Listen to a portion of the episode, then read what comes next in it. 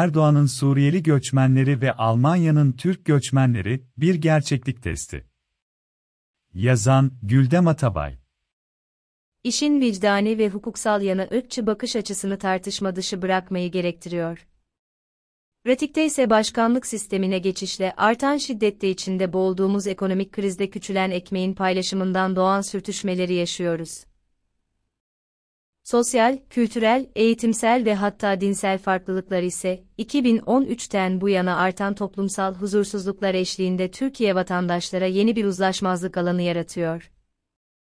Sayıları 4,5 milyon ile 7,0 milyon arasında ifade edilen, adına sığınmacı, göçmen veya mülteci tanımlarından hangisinin uygun olduğunu bile kestiremediğimiz bu yabancılar. Nedeniyle ortaya çıkan çok katmanlı sorunların en temel nedeni dünyanın hiçbir ülkesinde görülmediği şekliyle Adalet ve Kalkınma Partisi Türkiye'sinin bir göç kabul standardı olmayışı.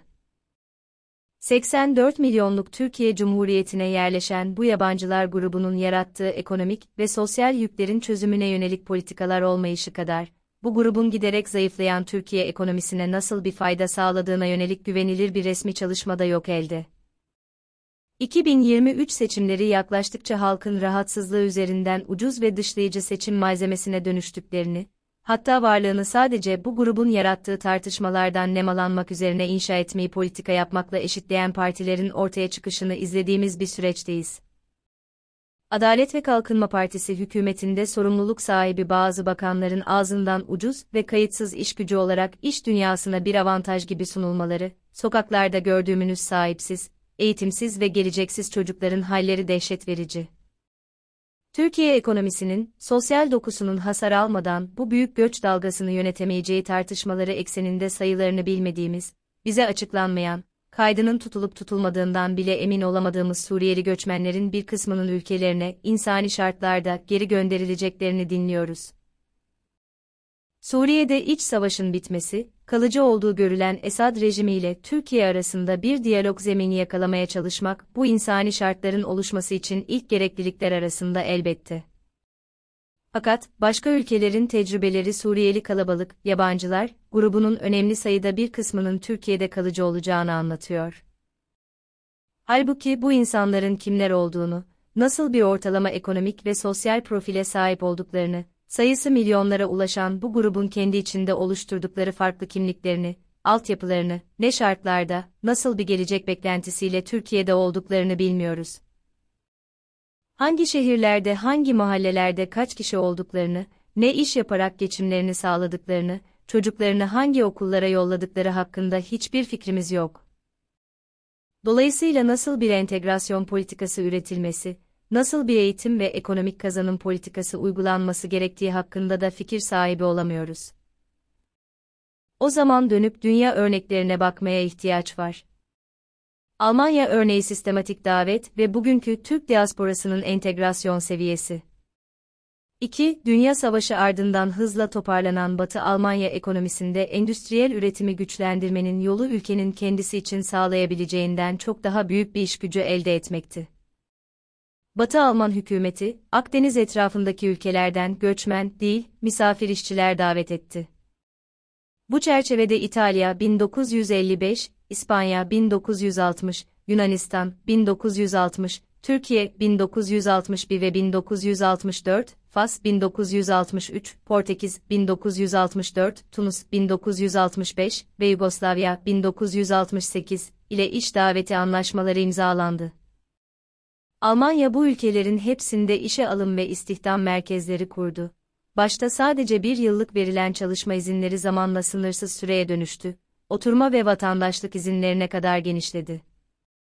Sosyolog Barbara Freyer-Stovasser'ın notlarına göre 1965'ten 1990'a kadar Türk işçi sayısındaki artış ve kalıcı oluşları dikkat çekici.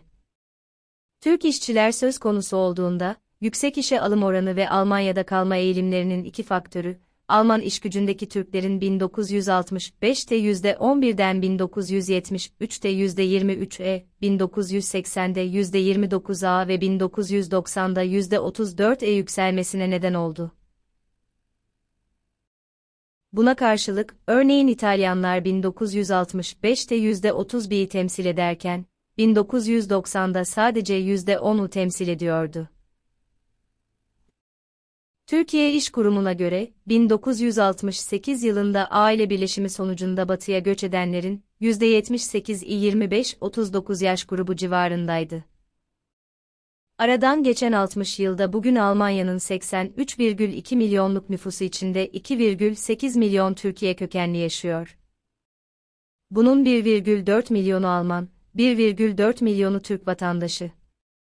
Etnik köken, dil, inanç, cinsiyet veya yaş farklılıklarına rağmen, Almanya'da yaşayan Türkler çeşitli derecelerde entegrasyon süreçlerine tabi tutuldular ve böylece kademeli olarak kabul gördüler.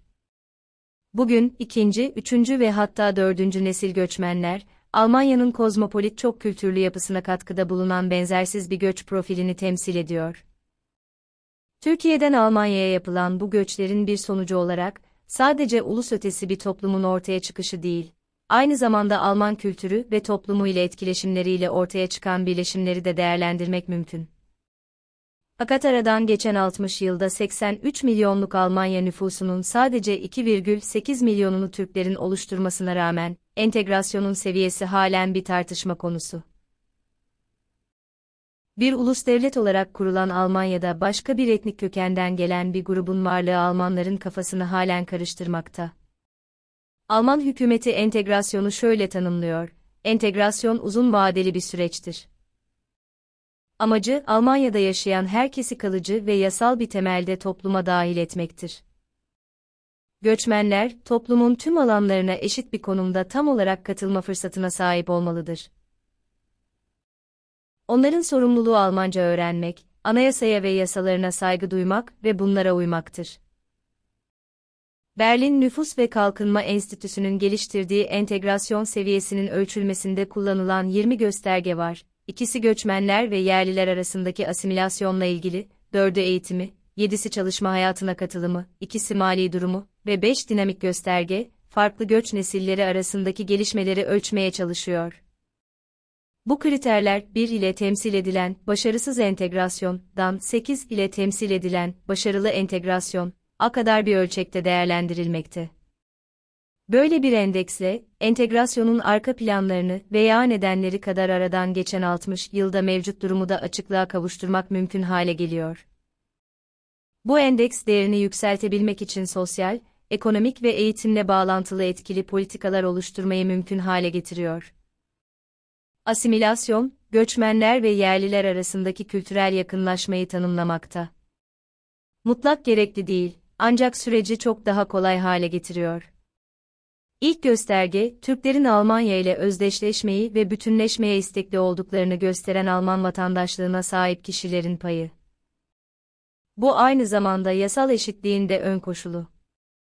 İkinci gösterge iki kültürlü evliliklerle ilgili, etnik ve kültürel sınırların ötesindeki aile temelleri, yakınlaşmanın çok güçlü işaretleri. İyi eğitim, oldukça gelişmiş ve sanayileşmiş Almanya için, toplumsal tanınmanın, finansal bağımsızlığın ve işin kalitesinin ön koşulu.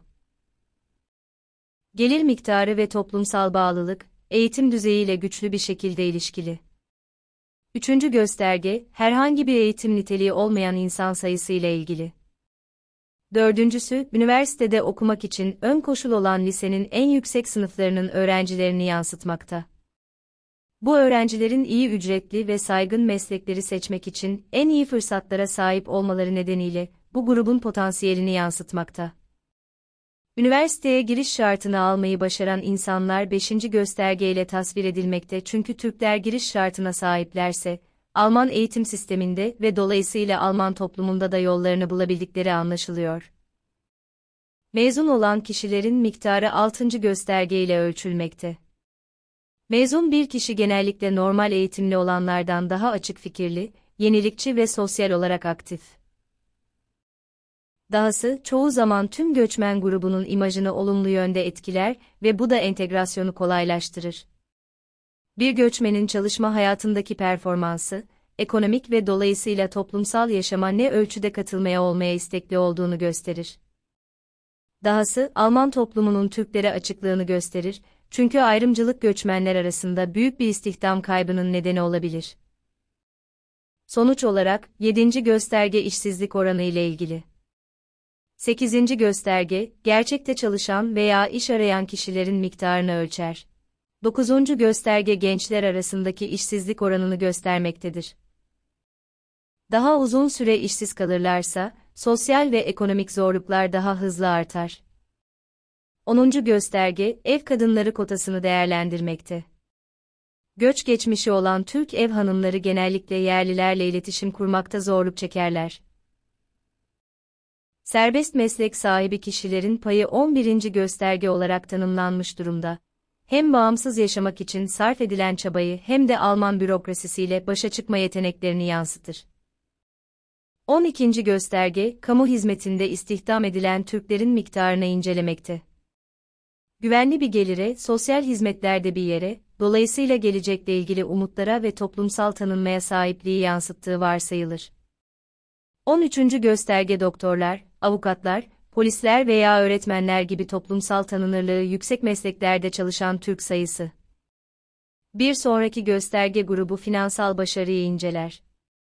Kendi geliri olan insanlar toplumda manevra için daha fazla alana sahip olur. Bir gösterge, kaç göçmenin kamu otoritelerine bağlı olduğunu, yani Alman ekonomisine yük olduğunu inceler. Diğer gösterge kişisel geliri gösterir. Yüksek bir gelir, iyi bir yaşam standardının korunmasını sağlar.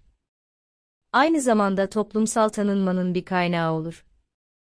Erdoğan Türkiye'sinde göçmenlerle ilgili veri yok, politika yok, sadece tırmanan gerginlik var. Bu ölçütlerin belirlendiği, bu ölçütleri değerlendirmek için veri toplandığı ve kişi başına gelirin 46 bin dolar olduğu Almanya'da yeniden vurgulamak gerekirse 83 milyon için son 60 yıldan bu yana artarak gelmesine rağmen sadece 2,8 milyon Türk ve Türk kökenli bulunmakta. Kişi başına gelirin 9 bin dolar olduğu 84 milyon nüfuslu Türkiye'nin Suriyeli nüfusu ise 4,5 milyon ile 7,0 milyon rakamları arasında belirsiz. Adalet ve Kalkınma Partisi Genel Başkanı ve Cumhurbaşkanı Erdoğan Türkiye'sinde Suriyelilerle ilgili veri yok, plan yok, politika yok, sadece tırmanan gerginlik var doğal olarak. Bu patlamaya hazır saatli bombanın kimler tarafından ne derece kontrolsüz şekilde önümüze bırakıldığının farkında olarak, Türkiye için doğru entegrasyon politikasını üretmek ve uygulamaya koymak için zaman hızla daralıyor üstelik. Çünkü ihtiyacımız olan büyük kısmının kalıcı olma olasılığı yüksek Suriyeli nüfusu için etkili, uzun vadeli, her yaş grubunu kapsayan eğitimden başlayan bir entegrasyon politikası üretmek, buna uygun iç ve uluslararası kaynak yaratmak. Toplumsal huzur için ekonomik büyüme ve kalkınma modelini Türkiye'deki nüfus kadar kalıcı olacak Suriyelileri de kapsayacak şekilde kurmak. Gerçekler ve insan olmanın gereği bize bunu anlatıyor.